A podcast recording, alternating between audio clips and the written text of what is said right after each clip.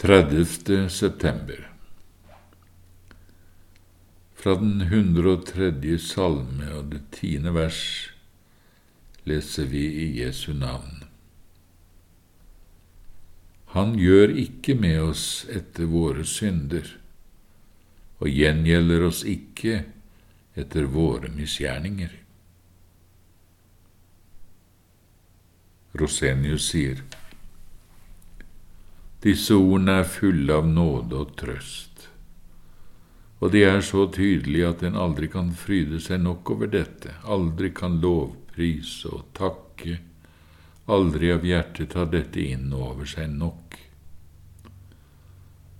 Først og fremst har vi her hele evangeliets innhold om at Gud ikke gjør med oss etter våre synder, men etter sin Sønns fullbrakte verk. Herren har en gang gjort med én etter våre synder, og gjengjeldt på ham etter våre misgjerninger. For ham som ikke kjente til synd, gjorde Gud til synd for oss.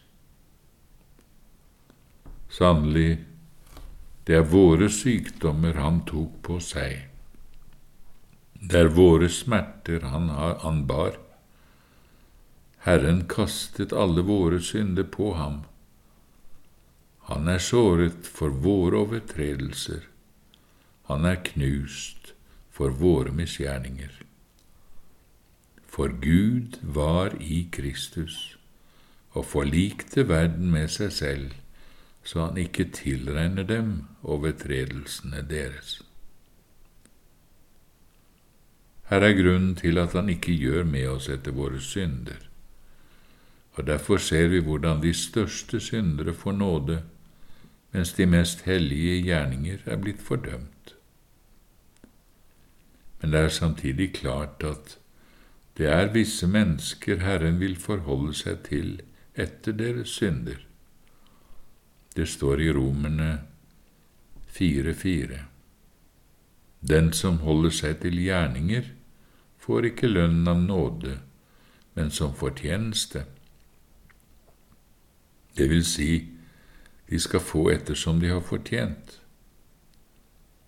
fordi det var slik de ville ha det, og dermed ikke i sannhet opphøyet Sønnen. Men den som ikke holder seg til gjerninger, men tror på Ham som rettferdiggjør den ugudelige, ham blir hans tro tilregnet som rettferdighet. Kort sagt, at Gud ikke gjør med oss etter våre synder, er hele evangeliets innhold. Men fremdeles sitter denne smitten uutslettelig fast i alle mennesker, selv i Guds barn, at Gud bare er nådig mot oss i den grad vi selv har levd et rett kristent liv, og at Han er mindre nådig mot oss når vi har falt og syndet. Men var det slik? Da kom rettferdigheten virkelig av gjerningene, og da var Kristus død forgjeves. Er det av nåde, da er det ikke lenger av gjerninger. Ellers er nåden ikke lenger nåde.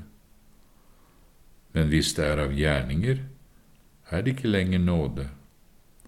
Ellers er heller ikke gjerningen lenger noen gjerning. Men se nå videre i Salme 103, hvor veldig denne tilregnede rettferdigheten er.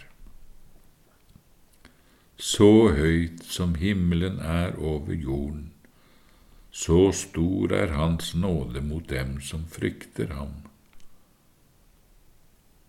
Og for noen herlige ord!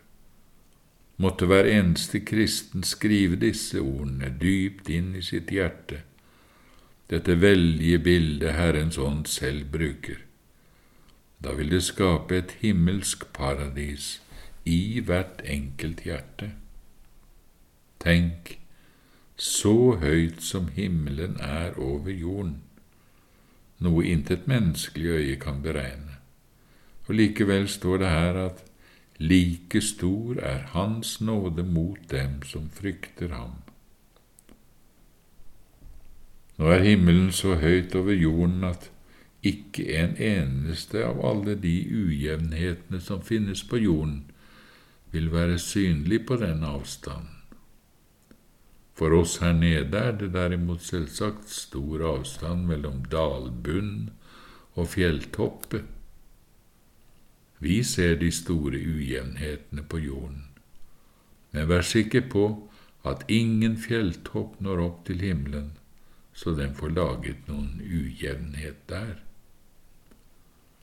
På samme måte er det med syndene og nåden.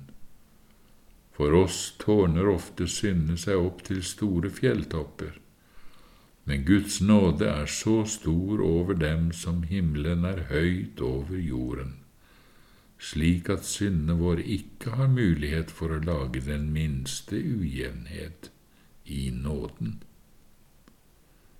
Og tenk, skulle syndene kunne gjøre noen ujevnhet i nåden, slik at vi hadde Guds nåde når vi hadde gjort gode gjerninger, men ikke hadde den samme nåden når vi hadde gjort noe som var galt, ja, da kom jo rettferdigheten virkelig av gjerninger.